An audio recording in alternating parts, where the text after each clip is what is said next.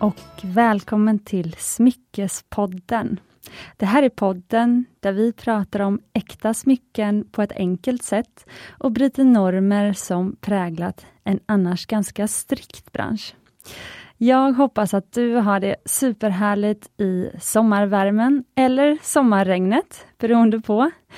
Och så hoppas jag att du är redo för att lyssna på ett härligt avsnitt med en gäst som jag har sett fram emot att ha hit i poddstudion. Det är moderedaktör, numera modechef, Jenny Fredriksson, som jag har varit i kontakt med under ganska många år via mitt smyckesmärke Mumbai Stockholm. Och idag så är Jenny här i podden. Hon bär härliga smycken på sig och jag vill säga varmt välkommen! Stort tack! Jätteroligt att vara här. Är det din första gång som du poddar? Absolut, det här är min premiär. Eh, jag ser, det kommer att bli så spännande. Det är ju superhärligt, för att eh, du är ju väldigt erfaren inom media allmänt. Och eh, podden är ju ett, eh, ett väldigt framväxande modefenomen, eller mediefenomen. Hur ser du på poddandet?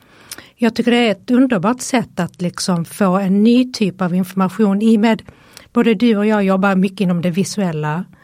Så när jag kopplar av så är det nästan bara poddar jag lyssnar på eller olika radioprogram. I och med att jag spenderar nästan all min vakna tid antingen framför en skärm eller man håller på med produktioner och då är det liksom det visuella som driver så jag tycker det är otroligt skönt att få koppla av och bara använda öronen. Jag är faktiskt precis likadan.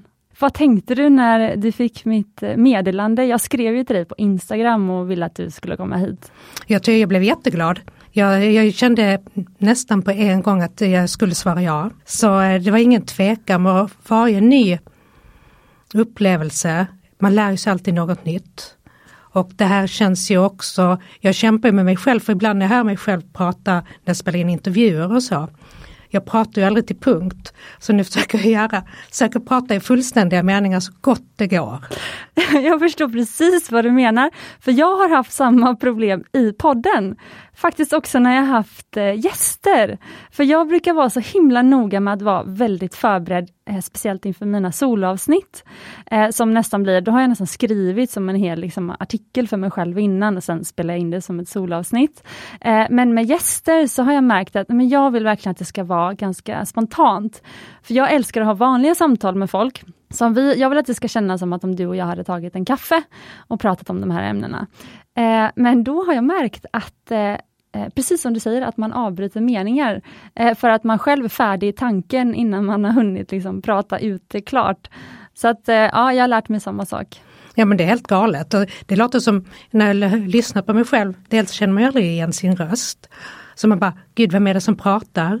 Och varför pratar hon bara i fragment? Ja. Det är verkligen bara halva meningar. Men hur upplever du det när du skriver? För att du är ju eh, modechef och eh, håller på väldigt mycket med amen, styling och kläder och så, men du, du är väl journalist i botten, kan jag tänka mig? Nej, det är jag faktiskt inte, Nej. utan jag har bakgrund inom humaniora. Mm. Så jag har pluggat eh, konstvetenskap och jag har pluggat idéhistoria. Och eh, jag kom in liksom inom styling och mode lite, lite av en slump faktiskt. Okej, okay, berätta mer. Så, ehm, för jag hade en väninna, en skolkamrat som hette Camilla. Hon jobbade på en tidning i Malmö som hette Hennes Tecken. Det här var i slutet på 90-talet.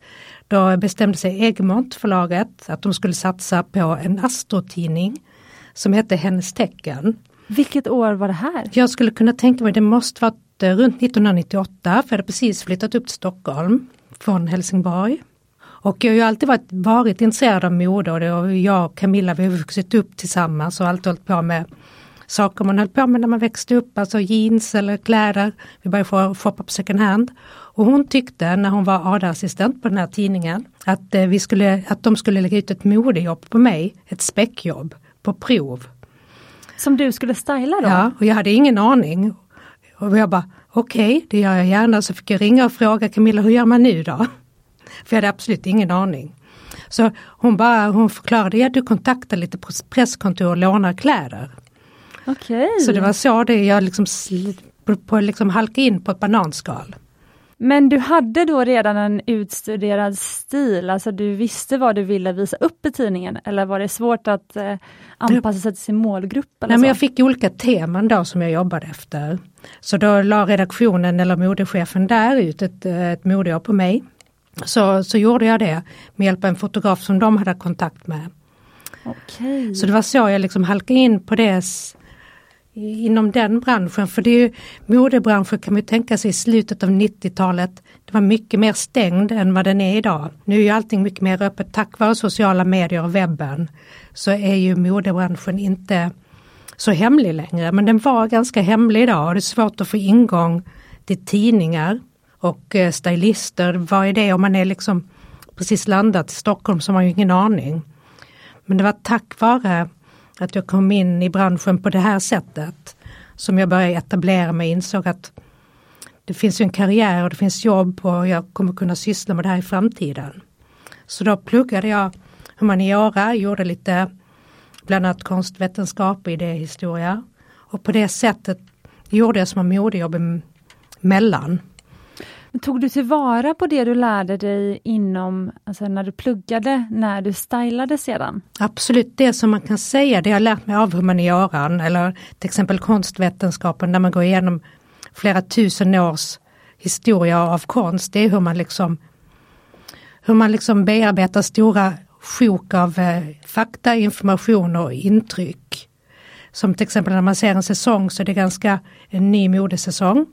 Så det är ganska lätt för mig att liksom så sovra ut vad som sticker ut, vad som blir en trend och vad som kan bli nya trender. Och som är, eller saker som bara är repetitioner av befintliga trender. Så jag har absolut lärt mig ett, en metodik. Att liksom sova bland stora informationssjok. Och eh, jag lärde mig skriva på L för jag hade ingen alls.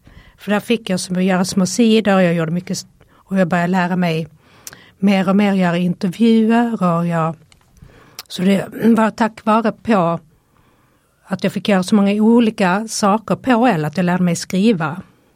Och det har det tack vare duktiga kollegor som hjälpt mig att redigera texten, förklara hur man bygger upp en text och hur man intervjuar. Och, Okej, gud vad fint, så du lärde dig det jobbet medan du jobbade kan man säga? ja, verkligen. Okej, vad häftigt. Ja, jag brukar säga att jag lärde mig designa smycken medan jag eh, jobbade med att bygga upp Mumbai samtidigt. Jag sålde ju det första smycket jag designade, så jag kan faktiskt förstå det, för då kan man säga att du också sålde den första eh, artikeln som du skrev, att det var liksom på jobbet. Absolut, och det är nog det bästa sättet att lära sig ett yrke. För det är svårt att i en utbildning lära sig liksom verkligheten på en arbetsplats. Ja, precis. Och språket och hur man liksom ska formulera ett språk som passar ett varumärke och som, eh, som fångar själen i det man jobbar i. Men definierar du dig själv som journalist nu? Eller definierar du dig själv som liksom modeproffs? Eller hur? Ja, jag skulle nog, eh, jag tycker redaktör är ett ganska bra ord för det liksom det på något sammansmälter alla typer av delar i arbetet. Dels sover ut trenderna, jag kan skriva och uttrycka mig. Men jag kan också uttrycka mig visuellt. Genom styling och genom bild, hur man skapar en bild. Ja, det är sant. För liksom det är också, det är en journalistik att skapa bilder också. Eller när man stylar ett modereportage, tar in väldigt mycket kläder som jag vill. Jag vill få looken att ska uttrycka en speciell trend eller en speciell känsla eller visa de finaste plaggen som passar våra läsare. Och det finns ju en redaktörskap i det också. Precis. Men vad gör en redaktör? För den som lyssnar och kanske är som mig som mest har... Alltså jag har ju läst modetidningar hela mitt liv. Och då har man ju alltid sett ordet redaktör. Men jag har nog aldrig riktigt förstått vad det, vad det innebär. Kan inte du beskriva för mig och de andra som inte riktigt vet? Det är väldigt brett, det är säkert väldigt olika inom, vad- för, inom eh, vilket varumärke, vilken tidning, vilket magasin. Men det finns redaktörer som bara lägger ut olika artiklar på eller modejobb på, på frilans eller på andra medarbetare och sen tar in det och redigerar texterna. Man kan väl säga att man är någon typ av kurator. Ah, okej. Så att eh, redaktören kur kurerar hela materialet som ska in i tidningen, tänker ut teman, tänkt ut team som kan göra olika modereportage eller journalister som ska skriva olika texter. Och redaktören har liksom styr skeppet och försöker få själva andemeningen i det numret eller på sajten att det liksom ska komma fram. Så ifall man har ett eh, temanummer med Frankrike eller låt säga att vi har ett temanummer med hållbarhet. Så det är redaktörens uppgift att liksom styra innehållet så att det blir vad man vill. Och eh, jag som redaktör har gjort mycket själv också, skriver texter och jag liksom bestämmer vilka teman som ska vara på varje sida. Så man tänker är till exempel ett senaste nummer till Femina då så har jag tänkt ut vad det ska vara för teman. Jag har lagt ut modejobb. Jag har kanske gjort något modejobb själv. Och så har jag bestämt vilka trender som ska vara på plocksidorna och sen eh, tar jag in allting. Sen det jag sått skördar jag sen. så det är verkligen från ax till limpa. Men det låter ju som en projektledarroll. Det kan man faktiskt säga också och jag gör det är det program, projektledare, kurator, ja, någonting sånt. Creative director kanske till och med. Ja det kan vara för eh, kanske andra för det finns också creative director inom vissa titlar som har försöker styra det inte högre upp men att man får ett mer ett helikopterperspektiv och försöker utveckla varumärket eller produkten åt ett visst håll. Mm, Okej, okay. inte lika operativt kanske? Nej. Okej, okay, men det här är jättespännande och det finns ju hur många eh, spår som helst vi kan ta av allt det du sa. Det går i ljusets hastighet känner jag ja. redan den här konversationen, det är fantastiskt. Eh, men vi måste ta ett steg tillbaka för att eh, dels så vill jag fråga vad du har för smycken idag. Ja. Det brukar jag alltid fråga gästen. Så vi börjar med det. Kan inte du berätta vad du har för smycken? Jag kan börja med det finaste då. Ja. Det är min eh, vigselring och eh, förlovningsring från Mumbai Stockholm. Så det är, liksom, det är verkligen mina favoriter. Och jag är väldigt glad att jag valde de här klassiska modellerna för jag sa liksom omväxlig stil och eh, estetik så de här kommer ju alltid passa till allting. Och min dröm är snart att jag ska ha något lite, är det denna half-wave? Vad ja. heter de från Mumbai? Ja den heter Jade Petit Wave Half. Ja. Mm, det, det, är en sån tänkte jag komplettera med snart, när jag är på Grönkvist. Någon får, gång. får jag beskriva dina ringar? Ja, självklart. Ja, det här är, vi måste försöka göra det visuellt nu för lyssnaren. Det är en solitär helt i rödguld men eh, ditt, eh, din, ditt evighetsband är i vitguld. Så du har en mix av metaller. Jag kommer ihåg det flera år sedan när vi eh, skapade de här ringarna. Så det är en väldigt klassisk, men det är en ganska stor diamant. Eh, och tack vare att det är en ganska stor diamant i solitären och även den här mixen mellan metaller, så blir det ju det blir klassiskt men eh, med en väldigt unik twist som inte så många har. Är det så pass? Jag tänkte mm det var så bra för jag älskar både rött guld och eh, vitt guld och silver. Du bär ju väldigt många andra smycken och det, mm. då får man ju mycket mer frihet i att bära det. Ja, fortsätt! Nej, jag är liksom verkligen det bästa valet. Ja. Och min man har ju också en vigselring från Mumbai, Stockholm. Som är, så det var jättefint att ha båda. Precis. Bara, alla, vi har båda våra ringar här därifrån. Och sen har jag en jättevacker organisk sil silverring, en organisk eh, design från Olle Lyngard. Det är deras eh, lilla livring va? Mm. Jättevacker. Den är också otroligt bekväm. Ja men den är en sån pekfingerring, jag tycker mm. det är en av de vackraste pekfingerringarna. Och jag provade också den modell större men den såg inte så, det kändes inte så bra. Jag känner oftast på en gång i det här smycken jag vill bära. För om jag inte tycker om känslan på fingrarna så, eller, eller på min kropp så kommer jag inte kunna använda dem. Så det var ju också så här kärlek vid första, när jag provade för första gången. Och sen en annan mer söt liten snäckskalsring som jag också har på pekfingret på högerhanden. Som är i guld. Som eh, en eh, väninna från Helsingborg har gjort. Så den är också kul att ha på sig när jag känner liksom eh, och känner de som står bakom smyckena. Precis. Då får man ju också en mer relation till smyckena. Så jag blandar vissa maffiga statementringar med lite mindre, lite mindre mer smycken som nästan aldrig tar mig, som jag har eh, de här armbanden jag har på vänsterhanden. Det är armband i tyg ja. och läder. Nej, jag skulle nog, det är bara flätat tyg. Ja, det är bara flätat tyg. Och så det är I liksom, olika färger. Ja, det är från Olle Lyngård också. Från deras, eh, vad heter den kollektionen, Boho Collection kanske. ta mig inte på orden där, men det är liksom deras lyxsurfarmband. Precis, skitsnyggt tycker jag. Jag älskar ju eh, det här bohemiska eh, yogo surf, mm. den lifestyle. Så att eh, de har gjort, jag håller med, det är lite lyxbohem över det. Verkligen, och det här flätningen har hållit otroligt bra. Jag tar ju aldrig av mig dem, jag har haft på mig dem i flera år. Oj! Och det gick, jag fick, gick in i butiken också så kunde de tvätta själva tygarmbandet också i sin lilla nanoapparat. Jag vet inte vad heter den smyckesreningsapparaten. Jag gissar på att det var ett uh, ultraljudsbad. Exakt. Mm. Då det funkade även på tygarmbanden som blev mycket fräschare. Och sen har jag min eh, morgongåva som jag fick av min man. Från eh, en litet tygarmband från Cartier med evighets Trinity från Trinity-kollektionen.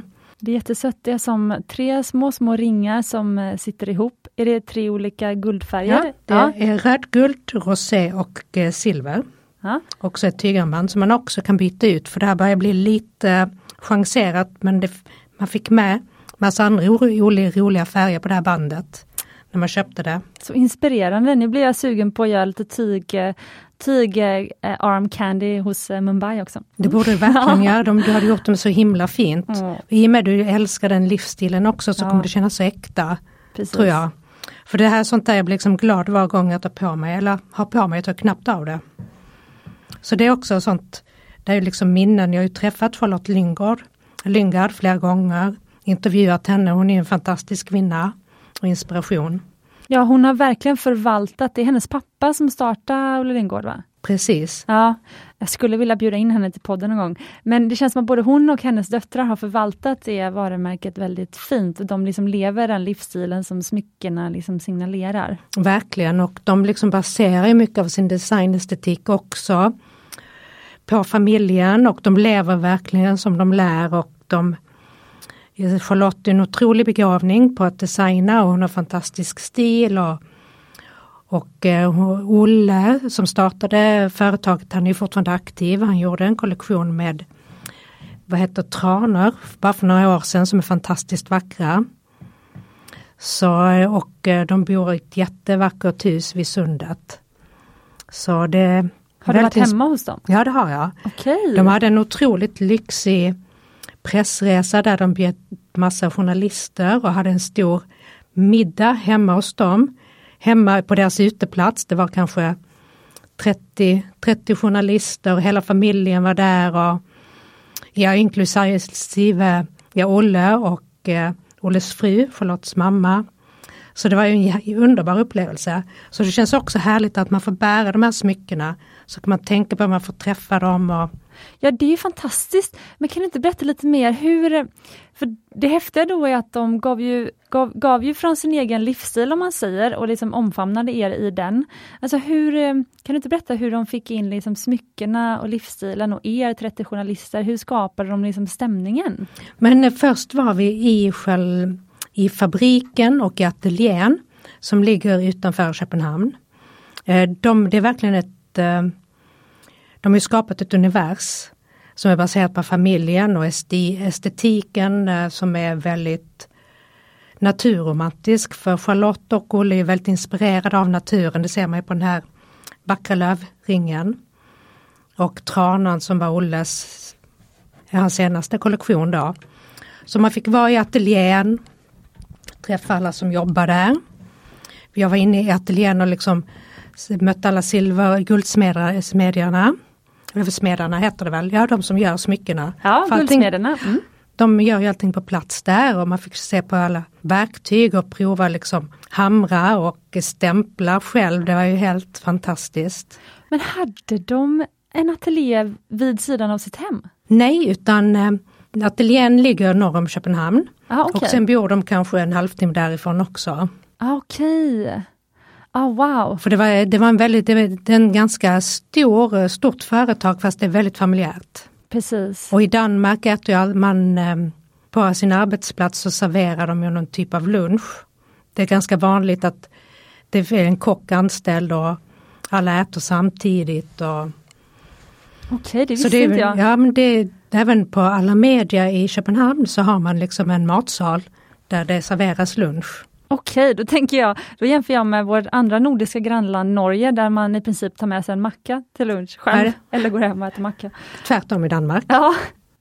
Okej, så inspirerande. Ja, det, var jätte, det var en jätterolig pressresa att få intervjua Charlotte och prata om hennes inspirationer. För jag tänker det att det är när man är designer eller väldigt visuell och, och som du också är, så att man utvecklar det eh, genom att man eh, spenderar så mycket tid på dagarna och tänka på det och jobba med, eh, med det och så vidare. Då, då börjar man ju se det visuella i väldigt mycket. Alltså jag tycker inte det är så konstigt då kanske att man blir väldigt inspirerad av, av naturen. För att det finns så mycket vackert i naturen och de detaljerna kanske man ser ju bättre man blir, alltså ju mer utvecklad ens egna visuella sinne blir. Eller upplever du samma? Absolut, för jag tror man kan hitta skönhet och inspiration överallt. Precis. Även den här väggen är inspirerande på sitt sätt. Man kan ju hitta, alltså bara det kan vara en form eller, och jag tror också ju mer man tittar och ju mer öppen man är, speciellt som formgivare och designer så kan man ju verkligen hitta inspiration. Man behöver inte bara gå på gallerier eller museum utan man kan gå på macken också eller man ser något vackert byggnadsställning eller så här byggnadsnät som också kan vara jättevackert och grafiskt som man kan använda. För mig i min roll kanske, gud vilken fin backdrop det hade varit på en plåtning eller Exakt. Det gäller verkligen att ha tentaklerna uppe hela tiden och vara ganska avslappnad och aldrig ha prestationsångest i sitt inspirationssökande utan det kommer ju mer avslappnad man är och ju mer öppen man kan vara mot världen eller intryck eller ja, mot livet helt enkelt så tror jag man kan hitta inspiration i det mest oväntade. Gud vad fint sagt. Och jag ska säga att när eh, Jenny började den här meningen så pekade hon på väggen här i rummet och eh, det är en, det är inte frigolit, äh, skumgummi heter det. Det är en skumgummivägg i poddstudion som blir, nu, jag ser ju eh, vad heter det, skönheten i det, för det blir som eh, att den är schackrutig nästan, men det är ju egentligen bara grått skumgummi. Men eh, det är häftigt att man kan finna inspiration i det. Men, men det är underbart, men hur gör du då för att slappna av så mycket som möjligt, liksom för att bli mottaglig för den här inspirationen eh, liksom i, ditt, i din vardag? Jag försöker nog inte tänka på så mycket på det. Och eh, jag får nästan även under covid och när man tog det väldigt lugnt så fick jag ändå mängder med inspiration.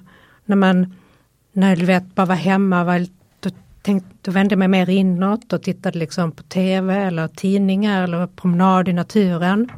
Så eh, jag tror man ska inte sätta någon som helst press på sig. Det tror jag är viktigt. Men har du gjort det tidigare i livet och lärt dig då av det? Eller har du alltid varit så avslappnad i din egen eh, Ja, för, för du, du vill ju prestera, du har ju kommit jättelångt i karriären. Vi har inte ens hunnit prata om hur din karriär såg ut, eh, mer än med modevetenskapen, men du har ju kommit väldigt långt så det, det måste finnas någon målmedvetenhet i det också. Eh, så det är häftigt med den balansen då, att vara avslappnad och målmedveten samtidigt. Ja, så har jag jag har inte ens tänkt på det sättet, men det stämmer ju säkert. Mm, men jag tror också jag har jobbat så pass länge, jag har så mycket erfarenhet. Jag vet också att det kommer alltid en ny idé. Det kommer alltid, ny, det kommer alltid nytt. Det går liksom inte att stå emot den utvecklingen i livet eller i modet eller inom design. Det kommer alltid något nytt och man kan vila i det. Så, eh, och så kan man ju ta tillvara det man ser också. Så Exakt. Jag, det är liksom, hur ska man säga, det är svårt att uttrycka sig men jag känner att jag kan vara väldigt generös med mina idéer för jag vet att det kommer alltid något nytt uppslag, det kommer alltid någon ny input. Eh, det kommer alltid nya kollektioner. Det kommer alltid någonting nytt så det man får inte vara snål med sina idéer heller utan det bara lämna bort dem och se vad de, om de tar vägen någonstans eller om någon annan kan få någon ny kan få användning av det. Det är fantastiskt. För jag tror det är alltså kreativ ångest självklart, det är ju mer att det kan man få. Men det är mer kanske för resultatet från sin idé. Men det är liksom när man ska göra verklighet av sin idé. Det kan innebära prestationsångest även för mig.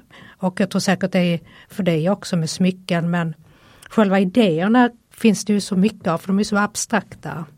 Exakt.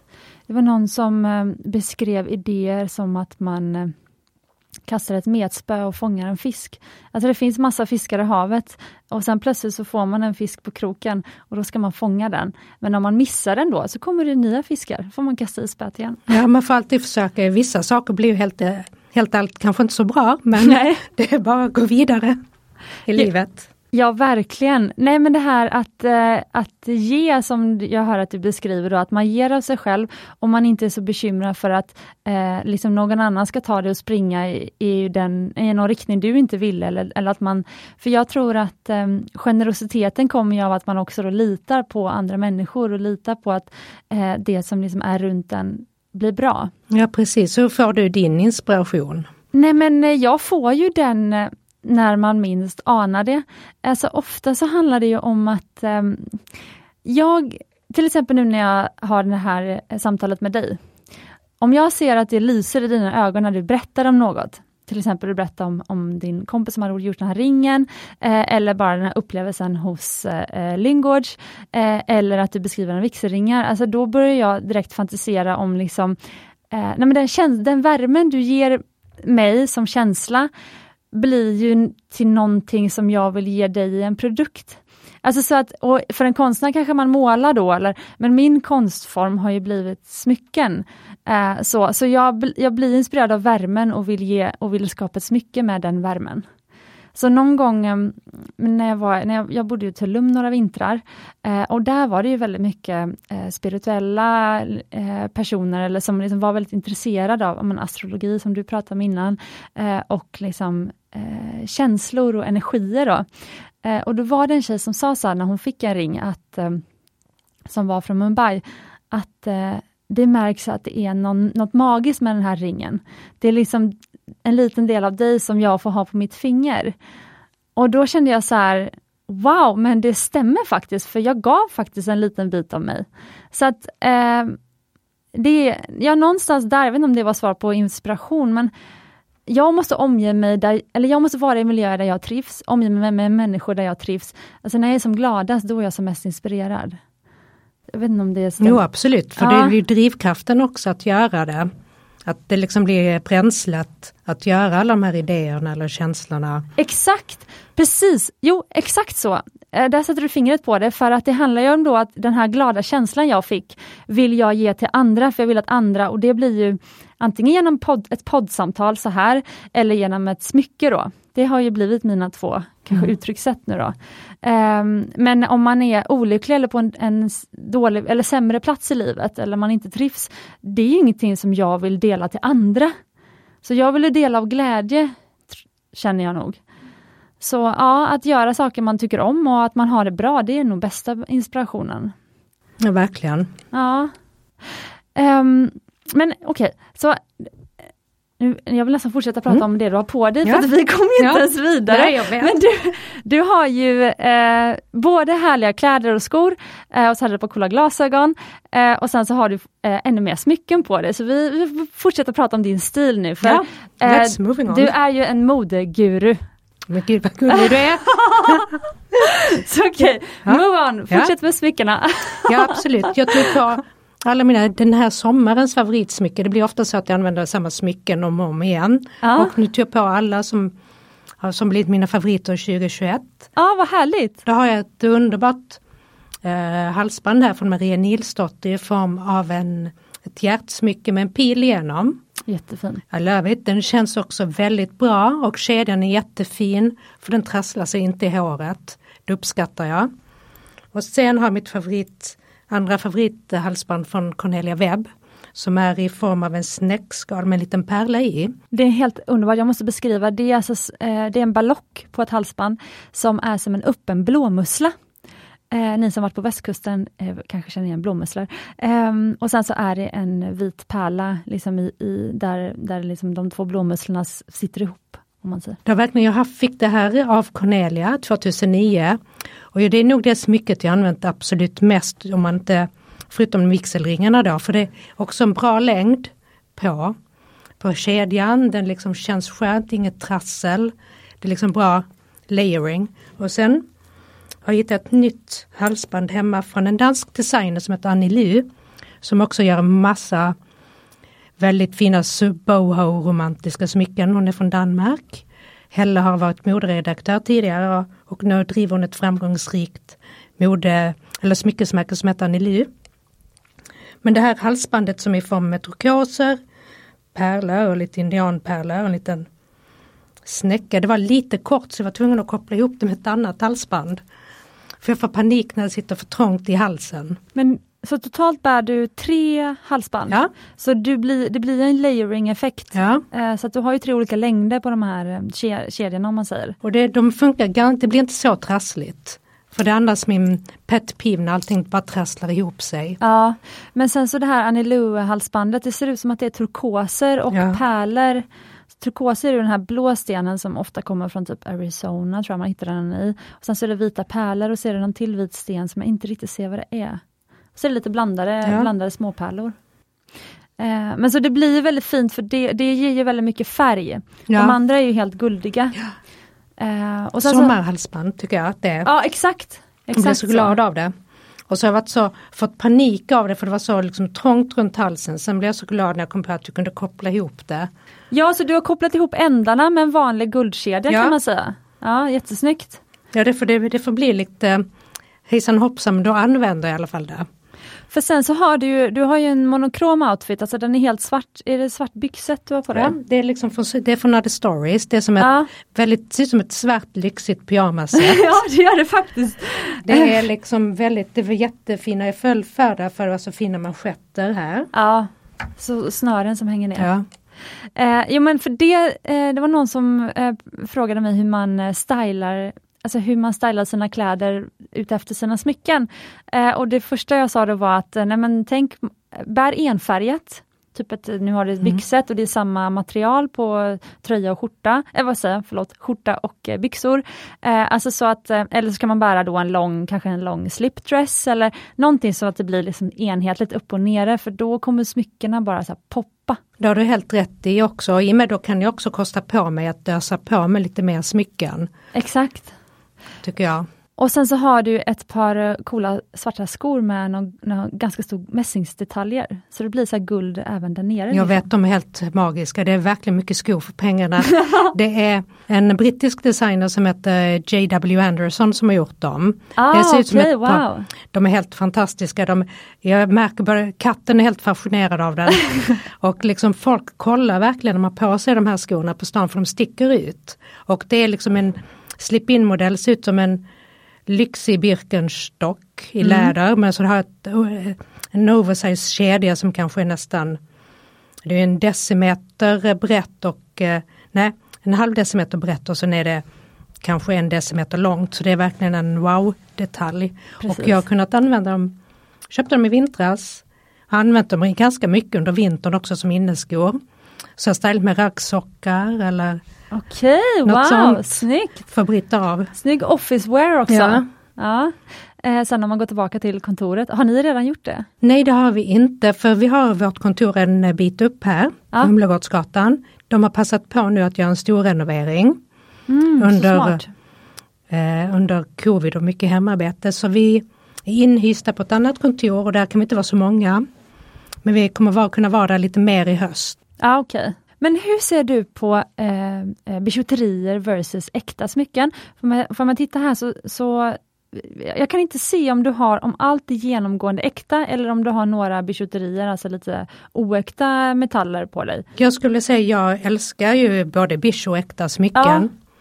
Så jag eh, älskar ju äkta smycken för det här kommer, det här från Marie Nilsdotter, det kommer ju inte färga av sig.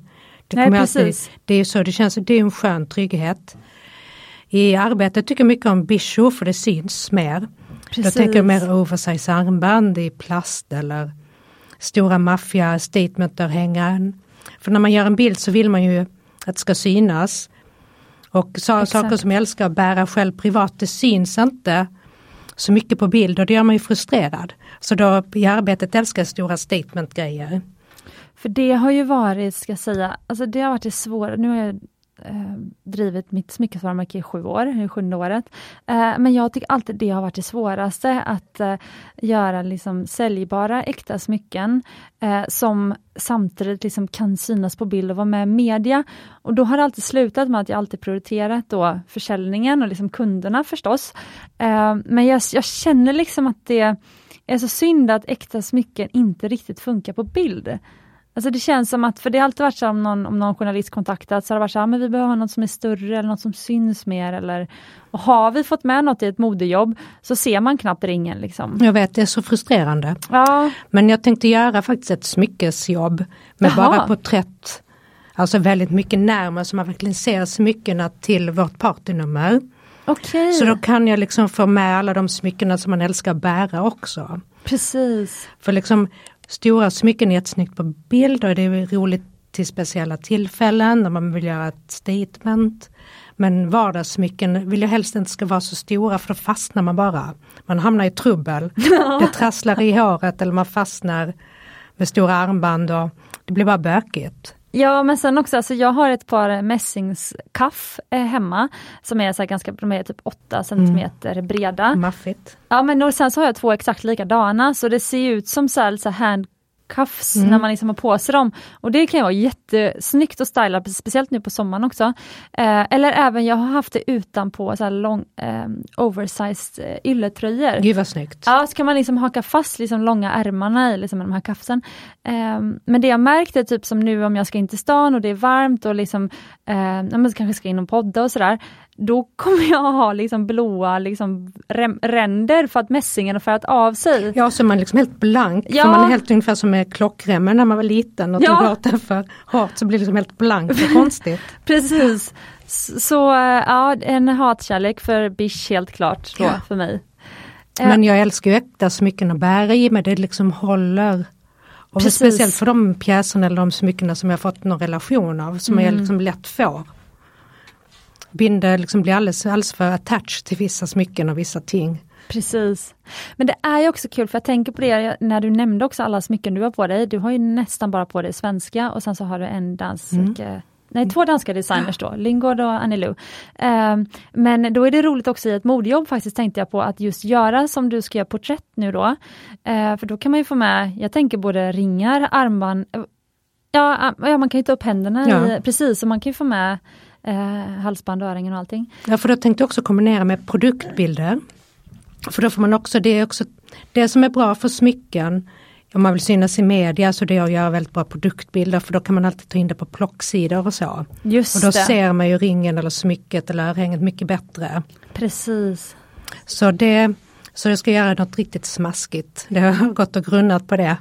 Så För- alla smyckesdesigners eh, designers där ute, skicka in bra frilagda produktbilder då. Ja, verkligen. Ja, kanske ni hamnar i Jennys reportage. Ehm, nej men för att i Sverige så vi är duktiga på att göra äkta smycken i Sverige.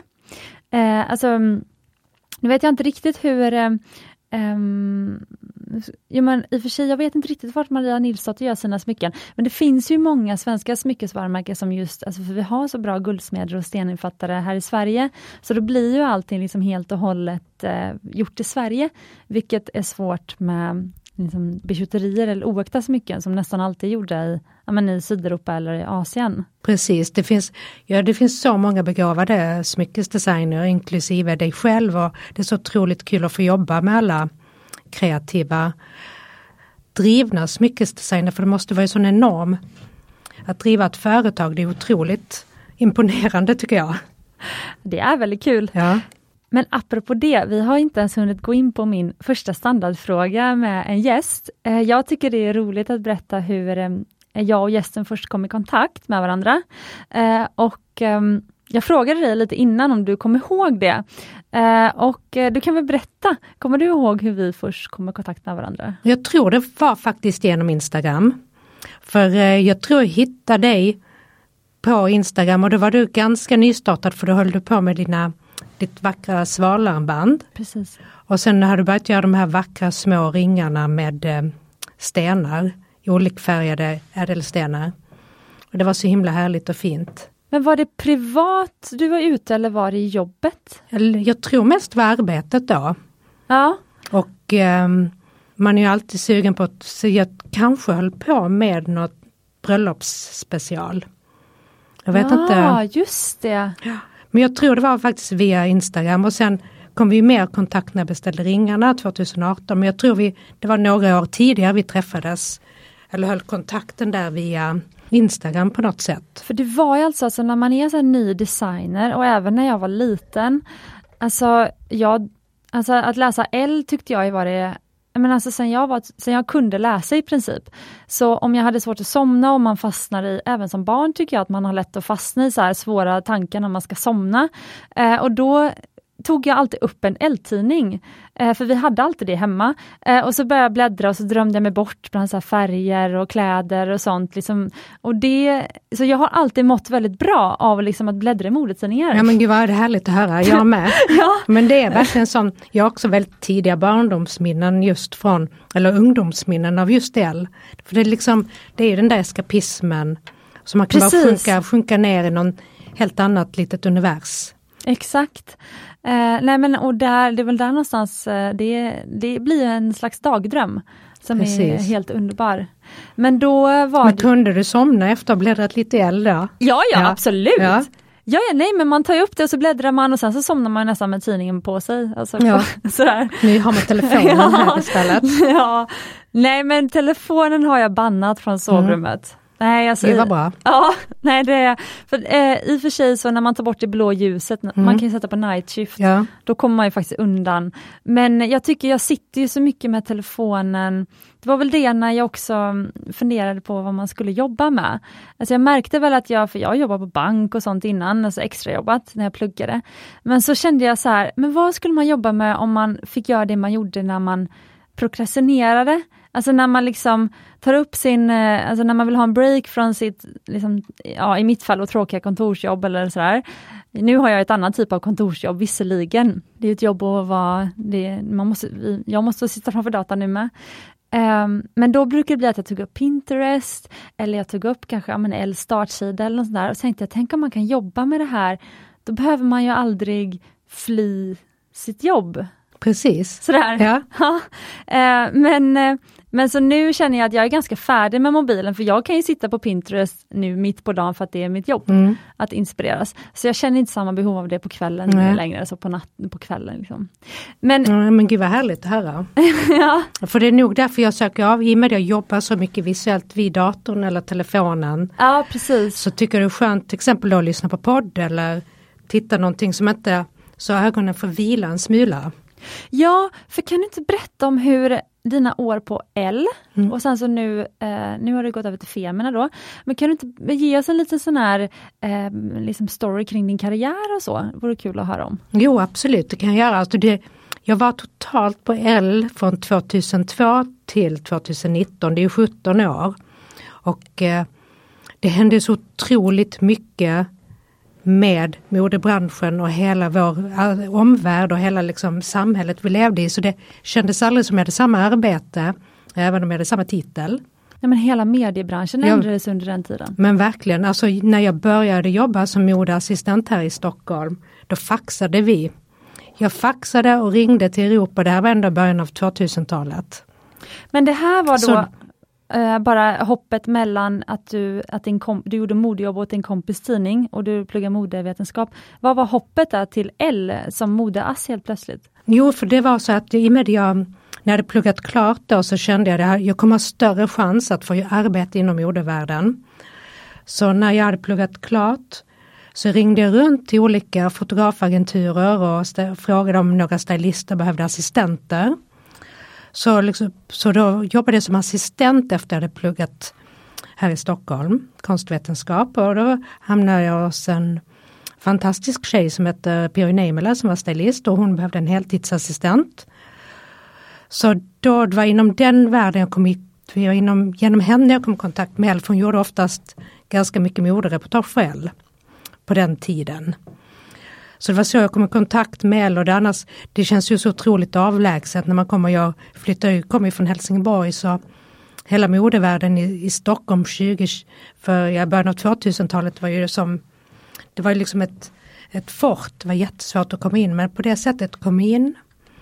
Och det var då jag lärde mig liksom hur man jobbar redaktionellt som stylist och träffade alla, hela redaktionen på L. Sen eh, hörde jag att L sökte assistent så det var där jag fick plats. Så då kom jag in som modeassistent där 2002. Sen måste du ju varit väldigt duktig som det då, för sen fick ju du fortsätta. Ja, verkligen. Men hur är man en bra modeassistent? Man måste kunna hålla många bollar i luften och sen får man göra allt möjligt. Det är liksom inte, man får inte tänka det här är liksom alldeles under mig utan man får liksom verkligen hugga i på många olika sätt och vara behjälplig och göra allt från att enkla liksom assistentsysslor, returer och fixa och trixa. Och sen behövs det ju alltid mycket hjälp på en redaktion. Så det var så, det var ju liksom, jag har lärt mig arbetet och yrket under tiden jag har jobbat. Precis. Och sen har man liksom väldigt duktiga människor eh, som man har jobbat med. Man lär ju sig någonting av alla man har jobbat med. Men blev du direkt sen då mode, vad är nästa steg, redaktör? Ja det blev jag inte förrän 2004. Jag kom in i en ganska turbulent tid på L som det oftast blir. Så då var jag kvar som assistent och sen är det massa olika roliga titlar under två års tid. För man kan inte vara assistent för länge, det är liksom inte så bra utan det var liksom lite andra typer av titlar för att bara kunna vara kvar. Och sen blev jag erbjuden jobbet som redaktör 2004. Ja, 2004, ja det stämmer. Gud, det känns som en evighets... Ja, alltså wow, sen var du det 13 år? Ja, det var jag. Men det kändes ju aldrig som det var samma yrke för det, var, det hände ju så mycket och sen kom ju internetet. Precis. 2006, 2009. Som också liksom, på, det har ju verkligen omdanat hela branschen och hur man jobbar och För jag har ju, så. jag har ju en idé om att det var roligare när det bara, alltså när det bara fanns modetidningarna och inte Instagram och liksom knappt Pinterest och liksom att, att det liksom blev som allt matigt som handlade om den här världen skulle ner i en tidning. Alltså jag har ju en bild av att det var liksom eh, kanske den bästa tiden för tidningen då. Alltså, har du, håller du med om det eller tycker du det är roligare när liksom det har öppnat upp Alltså liksom att, eh, att liksom, som journalist var, hade man ju då nästan så egen, alltså det var ju verkligen så här eh, pennans makt och nu har fler den makten. Eller liksom hur ser du på det? Är det roligare när fler har makten eller var, var det roligare när det var lite mer hemligt och stängt? Alltså det är både och. Ja. Det är ett, vad heter det, två, tvåeggat svärd. Jag tycker faktiskt både och. Det som tycker mycket roligare nu för det är liksom det är sånt enormt flöde av bilder. Ja det är sant, mycket inspiration. Det är mycket, mycket inspiration. Det som man kan sakna nu överlag det är ett bra redaktörskap. Ah, För det är, så, det är så mycket, man måste sovra så mycket strunt, alltså meningslös information. Då kommer kureringen in. Ja det är där som är det, det kommer aldrig bli liksom omodernt att vara en bra redaktör eller kurator. För det kommer vi alla behöva hela tiden för vi, det är liksom en verkligen tsunamivåg av inspiration och varumärken och stilar. Så man behöver alltid en, en bra kurering. Snarare blir det då viktigare att vara en bra kurator nu? Verkligen. Alltså man, är ju som, man behöver någon livboj att hålla i sig på the world wide web. Alltså man behöver, för annars kan man, vet man inte vilken riktning man vill ha.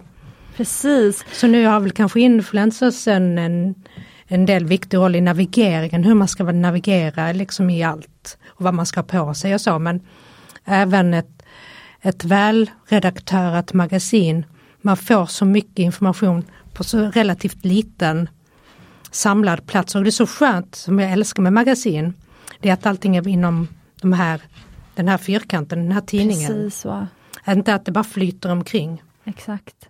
Har du några, om du tänker i bland, bland både engelskspråkiga och svensk, svenska magasin, eh, eller kanske något annat land också, om du kan fler språk, mm. men eh, har du någon sån här redaktör idag, eller någon tidning idag som du tycker är sådär, de gör det här väldigt bra, de sammanfattar världen väldigt bra. Kanske ditt eget? Det, det känns mer som ett arbete. Ja, så okay. det, det mm. känns liksom det kan man inte ens ta med in utan jag tycker min favorittidning och varumärke när det gäller att ha koll på läget det är Grazia UK. Okej, okay. wow! För det är så bra, det är så välredaktörat, det kommer ut ganska ofta. De har alltid kommit ut en gång i veckan men var tvungna att dra ner på utgivningstakten under covid, vilket var jättesynd. För det är liksom, det är som, det är så välredaktörat, där får man alla nyheter, alla nyhetssnäpp släpp på designers, alla trender, alla modeveckor, mycket bra skvaller, jättebra mat. Jag älskar verkligen Grazia, för det är liksom en sån bra mix. Okej, vad härligt. Det låter som ett jätteinspirerande lifestyle-magasin. Ja men det är underbart tycker jag. Men nu har jag tyckte inte lika kul när det bara kom ut varannan vecka för jag behöver ju den här hjälpen att få koll på läget. Just det. Man behöver ju de där navigerings, alltså kompassen och då har det varit så bra för allt som händer i UK brukar oftast komma hit också vare sig det är wellness-trender eller om det är mat, du vet tv-serier. Man behöver ju någon som guidar en. Precis. Så det har jag tyckt det är toppen och sen eh, de har också väldigt bra mode. De har en väldigt bra moderapportering i med det. Det, det kommer ut så pass ofta. De har bara koll på alla modeveckor och designersläpp så där kan man också vara up to date. Det är också som ett arbetsredskap. Sen tycker brittiska Red är också väldigt en välredaktörad tidning. Jättefint mode. Det tycker jag också är inspirerande och sen, sen om jag ska äkta modeskapism så går jag på Harper's Bazaar UK. Ja, jag med, men de har så mycket reklam. Ja, ja men det är också, en, för, tycker inte du är en del av skärmen också bara se som lyxigt, då får jag se alla kampanjerna. Jo, det är i och för sig sant, eh, men bäst reklam om man sen också gillar smycken. Jag älskar ju Financial Times How to spend it. Mm. Eh, kan jag gå och bläddra på, om man går på Café Saturnus här i Stockholm, ja. kan man gå och bläddra i How to spend it. Um, nej men för de har ju helt underbara reklaminslag, speciellt med smycken som man aldrig får se i Sverige. Nej jag vet, det är det som är så bra brittiska tidningar. Ja, ja det är sant. De är så bra på smycken, det finns väl antagligen då kund, kundbasen med förmögna britter och många oligarker, många ryska förmögna människor som bor där och Mellanöstern folk och så. Precis. Men varför gillar du How to spend it? Ja, men det är nog för att de har, eh, det, det är inte för mycket reklam och den reklamen som är, är så himla eh, snyggt gjord och den känns som att de inte tummar på Alltså jag får ju från typ Vogue UK tror jag det är, har jag fått i massa år. Ah, kan inte du vara med i våran sån här jewelry-sidor på, på liksom i slutet? Och du menar är, slasken? Ja, slask, precis, den är överhuvudtaget inte kurerad. Det är Nej, så men, slaskigt. Ja men jag förstår inte vem som, hur kan redaktören då ställa frågan till dig. Ja. Hur kan redaktören låta det gå igenom? För jag tycker att annonserna ska också vara eh, kurerade. Ja, jag tror nu kan beggars not can't, can't be choosers at the moment. De tar väl in all reklam. Ja, sant. Så eh, jag tror det är där läget ligger. Ja det är sant, för, då, för det, jag ville faktiskt prata lite med dig om det. För den största skillnaden med under de sju åren som jag har arbetat på sidan av modebranschen då, eller varit en del av ja, någon form av, eh, jag, vet, jag, vet, inte om äkta smyckes eller fine jewelry är en del av modebranschen fast det känns som att vi blir det mer och mer med hållbarhetstänket och så. Eh, så. Men det tycker jag absolut, för det här ja. är, det är verkligen smycken i pricken av iet. Man är, inte, man är inte riktigt klädd om man inte har på sig sina smycken tycker jag. Nej, det, men det skulle nog många, har man glömt sina smycken hemma då blir man ledsen. Då är paniken. Ja, bara, ja. Jag är naken. ja. Um, men det som hänt då under bara de sju åren som jag har liksom varit en del av inuti den här branschen då, uh, så har jag ju märkt att um, det är väldigt mycket mer köpt content. Eh, och, och då blir jag själv så här, vad ska jag lita på? Vi, det handlar ju väldigt mycket om vem är journalisten? Jag vill nästan kolla vem har signat den här artikeln, för jag vill veta, kan jag lita på den eller är den bara köpt av någon? Alltså det är ju en svår grej i mediebranschen. Mm, eh, liksom, eh, har du några tankar kring det här, hur liksom ert jobb som journalister har liksom ändrats? Absolut, man får göra allt möjligt. Man bör ju kunna det mesta. Ja. Så det är ju både att eh, skriva nu, nu, nu, har jag, nu har jag bara jobbat redaktionellt, jag har aldrig gjort några advertorial som det kallas när man gör Vissa varumärken köper en advertorial, till exempel ett klädmärke vill presentera en ny kollektion, låt säga en kedja. Då köper man ett annonssidor som ser ut som redaktionella sidor men de måste alltid vara märkt att det är ett annonssamarbete. Mm. Och eh, är det bara jag tycker bara det är bra gjort så kan det vara väldigt relevant information till läsaren. Det får ju aldrig kännas billigt. För jag tycker också reklam är en väldigt bra typ av information. Man ser vilka kampanjer som var som trendar på modeller, vilka modeller som blir bokade och maneret på kampanjerna ser ut. Så jag tycker bara liksom reklamen är bra gjord så kan det vara väldigt relevant. information både för läsare och för magasinet. Ja, det är sant. Så eh, bara man har en bra nivå så tycker jag det är helt fine. För jag tänker också från ett läsarperspektiv, man får ju mycket, annonsen är också en del av tidningen. Och är det bara bra gjort så är det bara win-win. Ja, för det verkar ju helt rimligt att vi som är med och gör tidningen, om man säger, nu säger jag vi för att eh, alla har ju möjlighet att vara med då i en tidning, alltså att liksom bjuda på liksom sin egen skapelse. Och då om man har liksom, om, om man betalat för det eller inte, då har man ju fortfarande liksom, någon ska ju betala för att göra tidningen ändå. Och Precis. Vem, vem ska göra Ja. det annars? Precis. Det är väldigt få magasin eller produkter som man bara kan överleva på lösnummer. Utan det måste finnas en meraffär i bakgrunden för att själva varumärket och magasinet ska gå runt. Precis. Så eh, för att gå tillbaka till favorittidningen så tycker jag också ren modeeskapism med Town and Country UK edition. Då är det så mycket juveler. För det är liksom, det har inget med mitt liv, det handlar om bara brittiska herresäten, aristokrati, olika liksom British upper class problems and phenomena. Det är faktiskt ganska ljuvligt och också skönt att läsa någonting som man inte alls kan relatera till utan då lär man sig en massa saker om det är där man får se den flottaste couturen, Precis. de vackraste smyckena. Det är väldigt mycket söta små corgi-valpar i varje modereportage. ja. Of course. Min kollega väntar på en corgi-valp. Nej lägg av. Jo. Alltså de är ju så söta. Ja. Alltså jag orkar inte. Oh my god. Men, Men- det är också, där får man också se det där riktigt dyra och fina. Även, jag behöver inte ha någon typ av äganderätt bara för man ser någonting behöver jag äga det. Utan det var liksom det är godis för ögat och se allt det här vackra. Exakt. Men för en annan grej som ändras under branschen, om man tänker alla de åren som du har, när man tänker så här 00-talet, och början av 00-talet. Eh, det är ju för när jag tänker tillbaka så kommer jag ihåg så här, the sartorialist, alltså allt det här med street style. Och då älskade jag, alltså street style-eran var nog en av mina favoriteror inom modet. Eh, Håller med. Ja, Det eh, var så mycket ögongodis också. Precis. Sen känns det nästan, nu får du säga men, eh, om, om du håller med eller inte, men jag upplever att det nästan, streetstylen blev så poppis att den urvattnades för ingen kurerade streetstylen längre, utan vem som helst la upp bilder i princip och så liksom blev det väldigt mycket bloggar och influencers och så vidare. Och sen så var det som att så här, modet liksom urvattnades.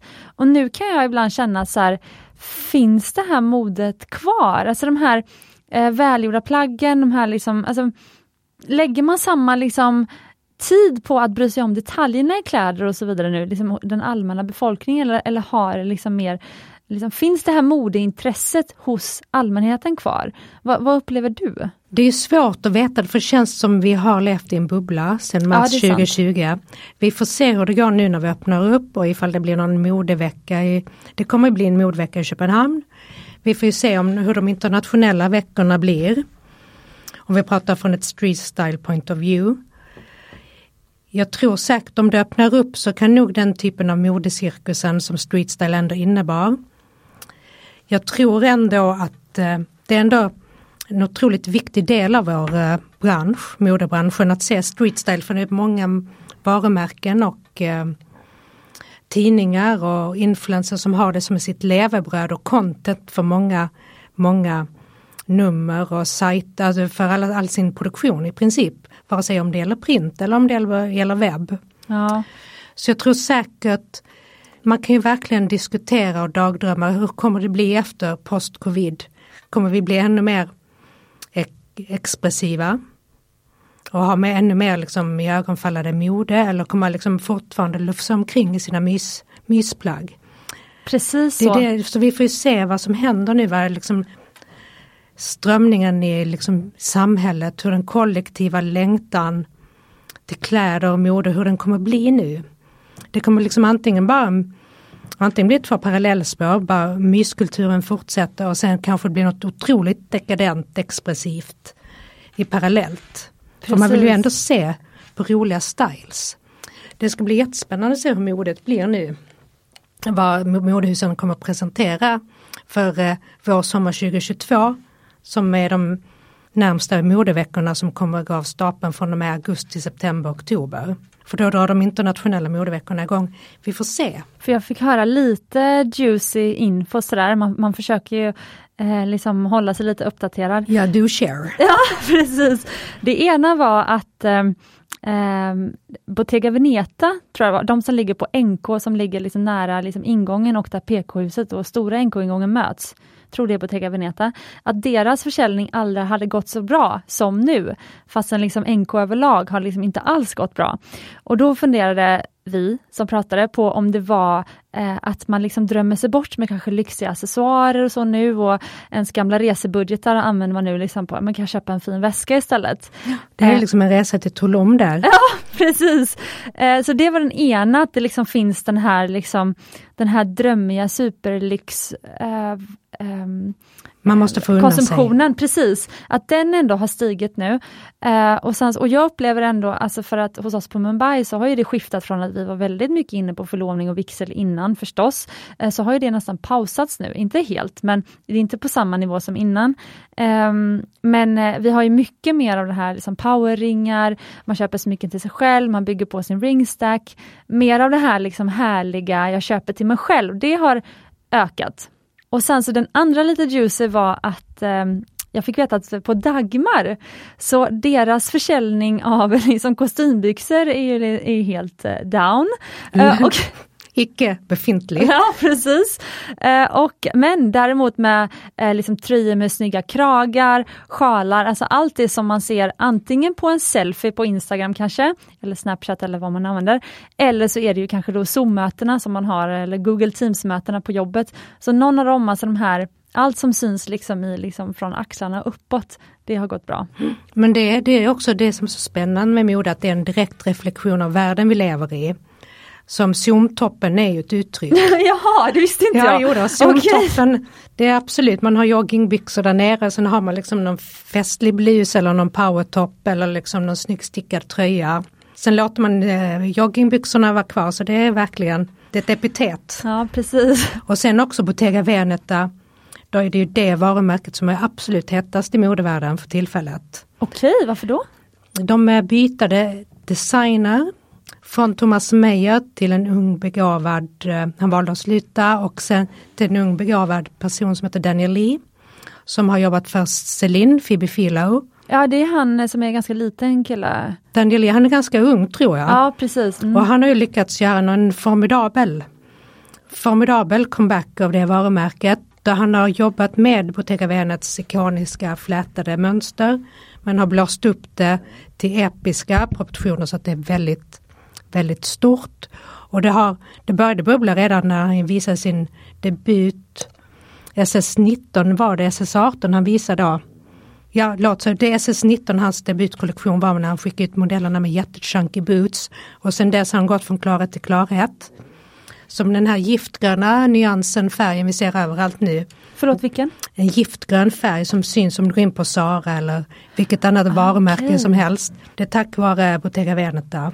Okej. Så har en impact både liksom som sipprar ner till kedjorna och man ser alla mega-influencers som Kardashian-klanen har ju BV, Bottega Veneta, väskor, liksom det är det varumärken man ska investera i. Det var ju Gucci för något år sedan. Så nu har Bottega bara kommit och liksom tagit en stor bit av marknaden. Just det, men nu kommer jag ihåg, jag själv köpte ju för tusan, ett par Bottega Veneta, eller Bottega Veneta som du säger. Eh, det kan nog vara vad som är ja. Bottega Veneta. Det betyder ja. en liten butik från eh, Venedig. Jaha, okej, okay. ja. ja. det visste inte jag. Okej. Okay. Eh, nej men jag köpte ett par deras sådana flätade slip-ins. Gud, eh, när gjorde du det? Vilka då? Eh, nej men de svarta, de som inte var superdyra, de var fortfarande väldigt dyra. Jag handlar ju alla mina sådana dyra accessoarer på My, My Theresa tycker jag har så kul utbud. Eh, så de här, det var ett par svarta flats, slip-ins. Mm. Eh, så, men eh, sen så har jag ett par Gucci slip-ins också på mig idag. Mm. Eh, men, och jag måste säga att Guccis har mycket bättre kvalitet tycker jag. Ja. Jag tycker inte, för det jag tycker lite svårt när man så köper från eh, sån fina dyra modemärken. Och jag är ju en junkie för mm. accessoarer och det är dit mina pengar går. Ja mina också. Eh, men eh, jag blev lite besviken för att jag är sån som liksom eh, stöter i mina tår ganska ofta. Så jag är Ja, sån som snubblar på gatstenar och sånt. Jag förstår. Och Gucci slip, de är hur hållbara som helst. Men de här Bottega Veneta, de har redan liksom lite slitits upp där framme. Åh nej, katastrof. Ja, Nej men det förstår jag, man vill ju att det ska hålla för ett visst wear and tear.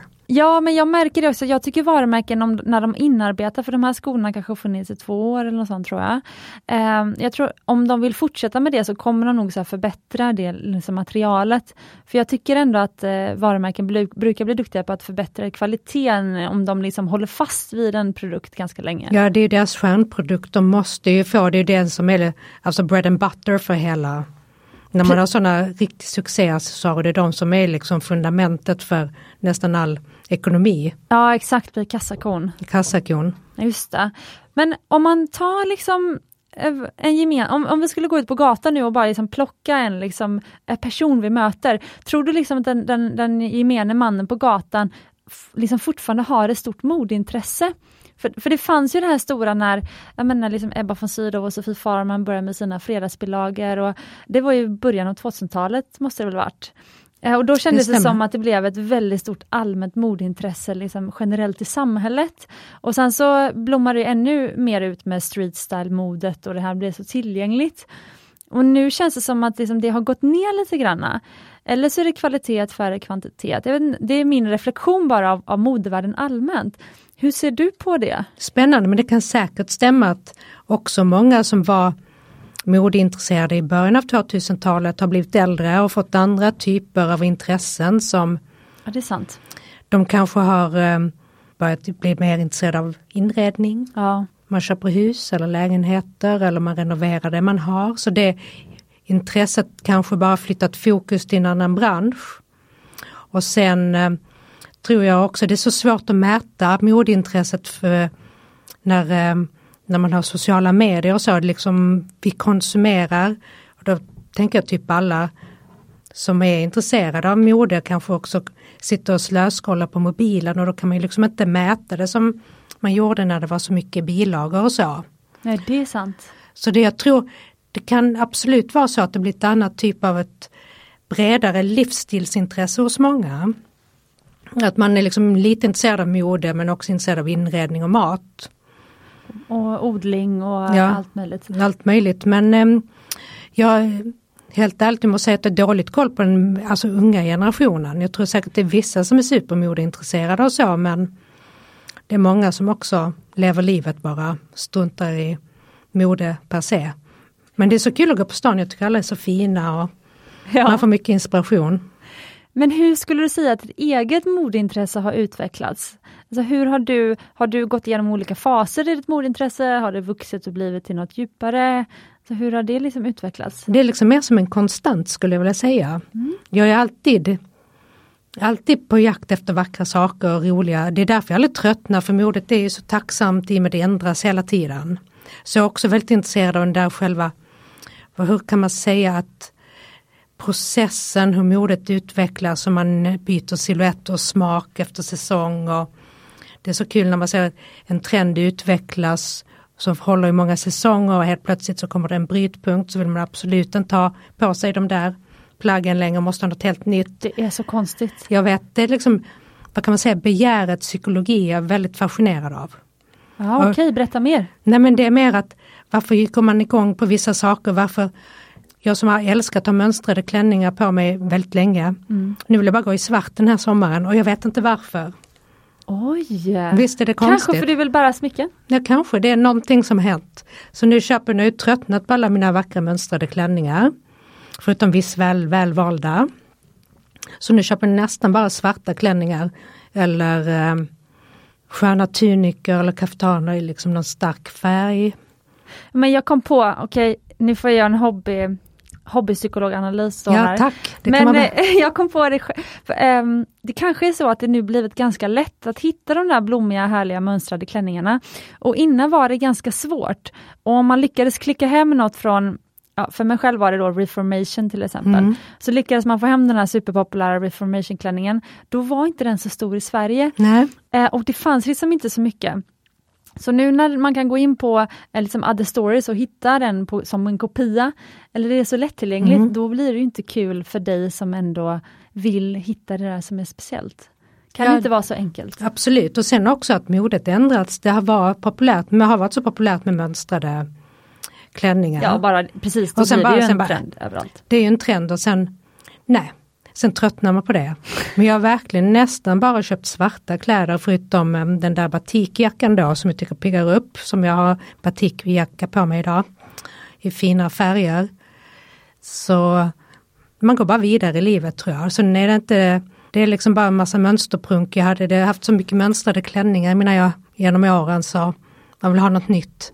För jag har aldrig varit en sån som identifierar mig så hårt med kläder eller stilen jag har. Utan liksom det är under konstant utveckling och jag tycker ifall man söker sin identitet i så pass roligt ytliga saker som ändå mode och smycken och kläder är så kanske man måste jobba på sig själv liksom. För man, man är ju så mycket mer än sina kläder. Jag tycker bara man kan få vara, kanske min personlighet, jag gillar att, att man kan ändras och se annorlunda ut och ha andra uttryck och så. Precis. Men eh, för det vill, eh, vill jag gå in på innan, eh, innan vi skiljs åt. För du nämnde ju det här med astrologi i början. Ja. Och ehm, jag vill jättegärna höra om det och det tror jag ju, jag märker verkligen ett större intresse av det i samhället allmänt.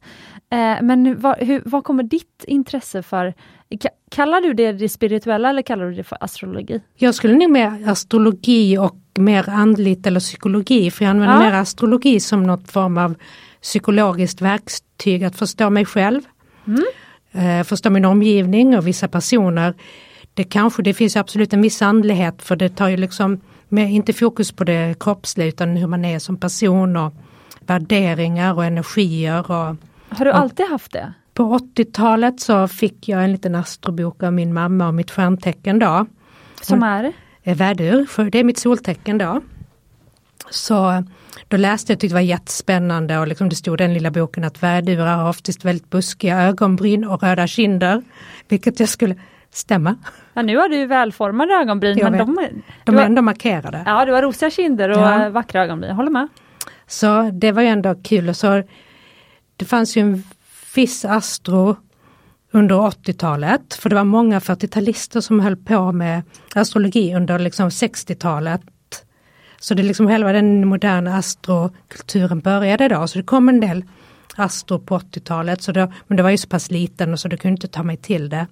Men det är väl de senaste åren det mer har, har eh, poppat upp, skulle vilja säga från 2016, så märker man också ute i samhället att det är mer mainstream och folk pratar om det. Och, och skälet till att jag gillar astrologi för att det är kul att prata om sig själv eller om andra personer utan att det blir personligt men aldrig kladdigt. Ah, Okej, okay. så du pratar utifrån stjärntecknen då? Ja men ifall man pratar, jag kan reagera så här därför, eller den personen reagerar så därför att.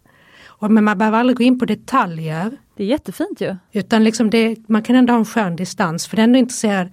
Det är intressant att betrakta hur, hur folk reagerar i grupp eller liksom hur man varför vissa liksom är så otroligt livliga eller eh, kort temperament eller vissa är väldigt mer fasta och rigida. Och det är intressant, man kan bara ha det som en, en bas, alltså när man diskuterar människor som jag tycker är väldigt intressant. Och hur, det är alltid roligt med grupper och hur personer är. Och, ja, men det blir som en form av kategorisering då låter det som. Ja fast ändå inte för kategorisering för man vill ju inte vara den här färgkoden på människor för som är så läskig. ja, nej.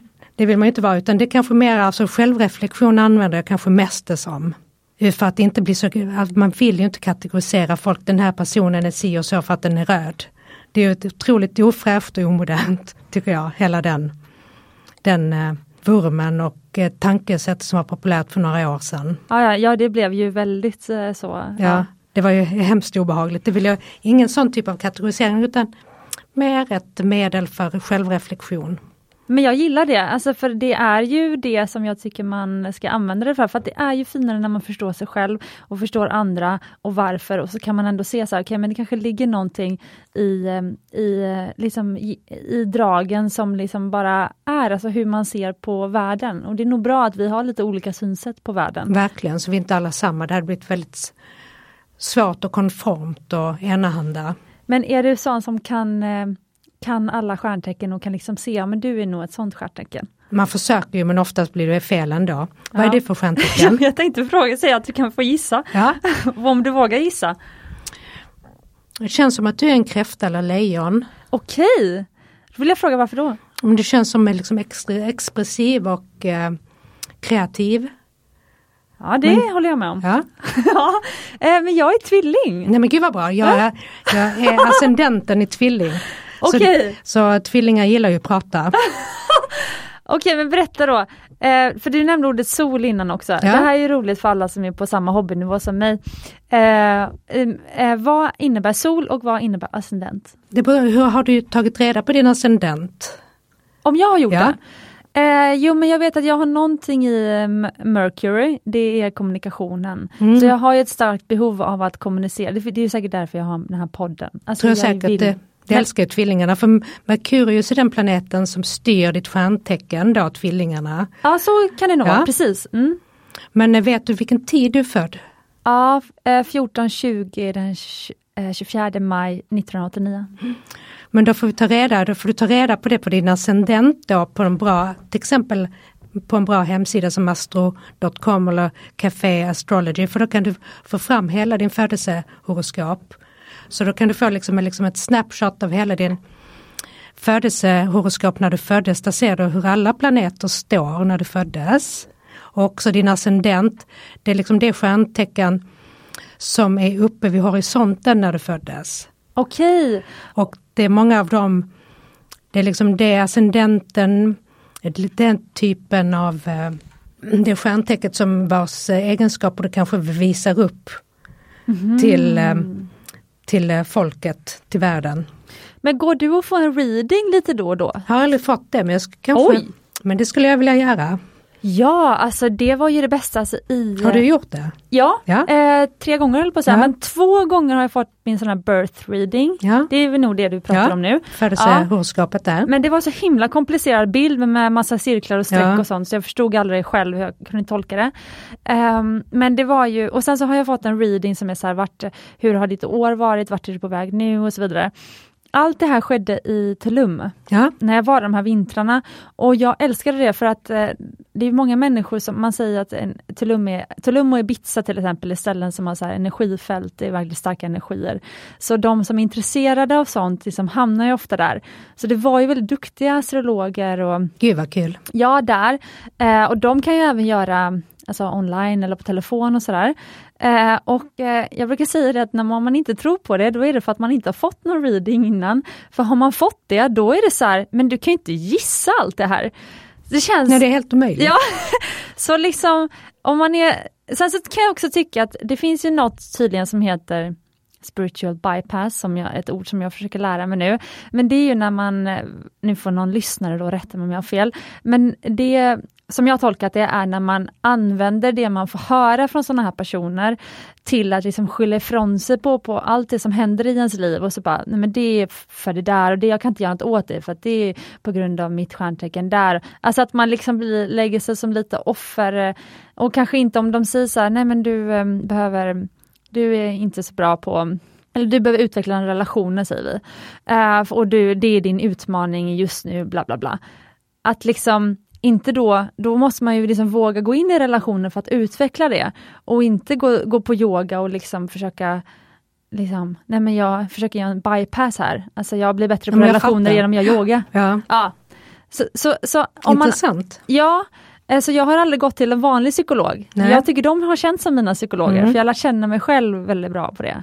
Men det är absolut bara man liksom har ett intresse att ta reda, att inte alltså distrahera sig själv från sig själv om du förstår Ja, vad jag precis menar. För det, det- är precis. ofta så man håller på med. Jag måste plan- jag mår lite dåligt, jag har lite ångest, låt mig planera en resa eller låt mig få, Ah, shoppa den här exakt. vä- väskan eller gå på det här yogapasset istället för, det är lättare sagt än gjort, än att konfrontera det problemet man har. Exakt så, precis. Okay. Men vad spännande. ja. Okej, men det här är jättekul. Eh, jag får se, jag tror faktiskt att eh, jag kanske kommer få några lyssnare som kommer vilja att du kommer tillbaka till podden. Vad Jag- kul, ja. det gör jag jättegärna, det här var så kul. Vad bra! Ja. Eh, för att jag är på med hörlurar, men innan sa du att vi måste prata öringen. Ja. Vi kanske inte hinner idag, men eh, bara det är en anledning att Mm. vi ska komma tillbaka. Eh, men jag tänkte då för att, för att knyta ihop det här, för jag känner att eh, kläder och stil och liksom sitt yttre, ju mer man lär känna sitt inre, desto mer vill man också att det ska vara en liksom tydlig koppling till det yttre, som man liksom vill, och det är det jag tycker är så roligt med yta. Att liksom, eh, man, man vill liksom, eh, jag vill att när folk ser mig ska de nästan se hur jag är, det vore ju den ro, det roligaste liksom. Eh, men hur, vad är ditt tips, du kan säga till exempel tre tips, till eh, den som lyssnar och som känner så här, jag vill liksom ha den där kopplingen mellan mitt inre och mitt yttre. Alltså hur lär man känna sig själv och, och liksom klä sig och styla sig utefter det? Förstår du frågan? Ja, absolut. Jag skulle kanske uttrycka så här, för mig, om jag tar det för mig själv, så tycker jag ju väldigt kul att eh, jag utvecklar min stil hela tiden, så jag har liksom inga krav att liksom jag vill att det ska, mina plagg och mitt mode och min look ska kanske reflektera hur jag är här och nu.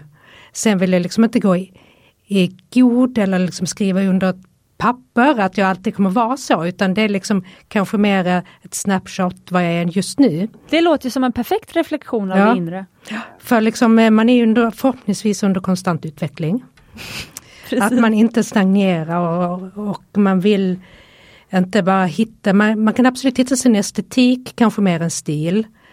Jag vet att jag dras till vissa typer av plagg hela tiden och jag tycker kanske smycken faktiskt är en bättre reflektion över, det är liksom mer ref, reflektion över mitt liv. För alla de här är ju som små amuletter och souvenirer över Exakt saker jag så. varit med om. Så jag tycker faktiskt smycken är bättre. Det speglar mitt liv och vad som har hänt och i alla fall för mig själv och sen får ju folk tolka hur det man vill. Men jag tycker det är viktigt kanske också, så jag använder mer smycken som en reflektion av mig själv. Sen låter jag kläderna vara mer lekfulla och följa med trenderna och så. Det var ju Som fantastiskt. Så liksom eh, så skulle jag vilja summera det och eh, kanske också samla på sig saker som betyder mycket för en själv. Eller den här, nu köpte den här Gucci-väskan för den här, för att symbolisera vad jag gjorde den här tiden. För då blir det också ett minne som betyder något för en. Precis.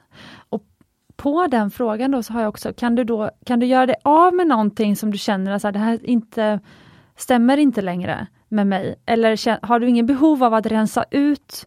Får allt vara kvar i din kollektion? Absolut inte, det är full rulle. Det är Ah, liksom okej. konstant Ah, okej. utrensning hela tiden. För jag, Ja, har vad inte, bra. för jag har inte blivit så, jag är inte så sentimental när det gäller just kläder. Nej, lite svårare med vissa väskor och skor och så. Men jag kan säga att jag har verkligen full rulle på garderoben. Det är alltid någon typ av utrensning. För att jag blir liksom inte så fäst vid just kläder längre. Utan jag liksom älskar dem när jag bär mig på, bär dem.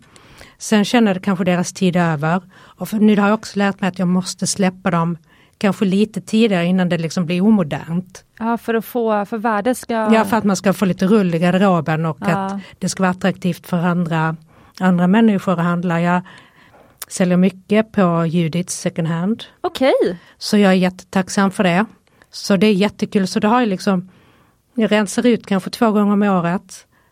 Och ehm, så man får liksom lite rull på kläderna. För jag kan också säga, det är mycket viktigare att rensa ut sin vardagsgarderob och jobba på den än festgarderoben. För en snygg klänning är alltid en snygg klänning. Det, den håller mycket längre. Det är just vardagsplaggen som man har på sig var dag. Det är där siluetten ändras som mest.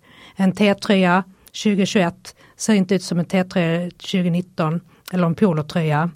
Eller en stickad tröja, det ändras ju mest av allt. ah, visa ord från modeproffset. Man, vissa statement pieces som partyklänning eller roliga jackor eller Alltså de där udda plaggen, de håller mycket bättre. Superbra tips. Det kommer jag ta med mig. Det är faktiskt... Det, Har inte det, tänkt på det. Jo men det är vardags och garderoben man måste verkligen jobba på.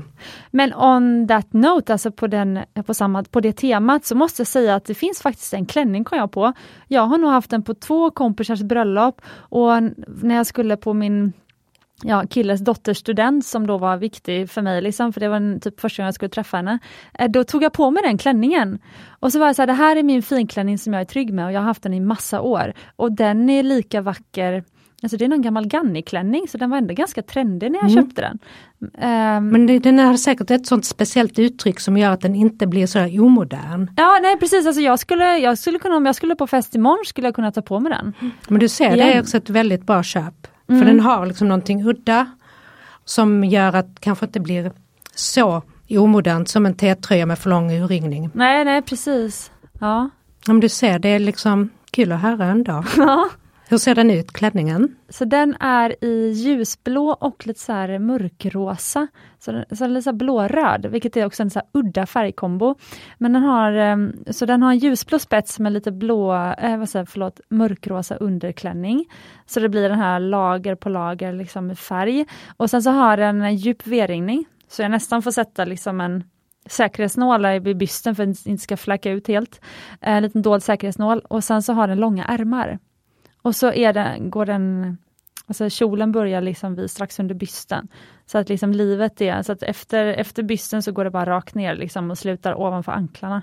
Så man ser liksom anklarna, det tycker jag är fint när det är långklänning för då känns det inte som ett tält. Utan då får man lite sådär, handlederna syns med den här spetsärmen och så ser man liksom anklarna. De finaste bitarna. Ja faktiskt, och så nyckelbe- Ja, ja. nyckelbenen då eftersom de Ja. har så djup urringning. Du är liksom väldigt klädd men ändå exponerad på Ja. bra sätt. Gud vad kul. Sensuellt kanske är Ja. ordet. Inte exponerad men så att man får bra. Okej, men nu, herregud, vi har nästan pratat en och en halv timme. Så kul! Men finns det några visdomsord du vill ta, äh, ge till lyssnaren nu, sådär som eh, kanske går på promenad eller ja, vad man gör när man lyssnar på podden. Men finns det något du vill dela, liksom sådär, som något av det vi har pratat om? Eller känner du dig nöjd? Jag känner mig ganska nöjd. Jag kommer säkert på visdomsorden alldeles för sent ikväll som det alltid är. Men Ja, jag tycker framförallt att mode, om vi pratar om mode, jag tycker liksom det ska ge glädje. Man ska Ja. bli glad när man bestämmer sig för att handla någonting och man ska känna sig fin. Och Precis. liksom likadant med smycken. Att man får liksom en glädje av det vackra. Det är det som ger mig energi i vardagen. precis. Och eh, om en lyssnare nu vill kanske börja följa dig någonstans eller så komma i kontakt med dig, har, du- har du något forum för det? Ja absolut, Eh, antingen det enklaste är Instagram och då är min handle snabel Jenny Penny Fredriksson. Så det är bara att Jag skicka ett. DM. Ja, Härligt! Ja, skicka DM och eh, eh, be Jenny komma tillbaka till podden igen. Det har varit jättekul. Stort tack för att du kom hit, det var superkul. Tusen tack för att jag fick komma. Ja. Jag är jätteglad. Så stolt att du vill vara med i Smyckespodden. Tack ska du ha. Och eh, glöm inte du som lyssnar att du är värd både äkta smycken och vackra kläder och andra accessoarer.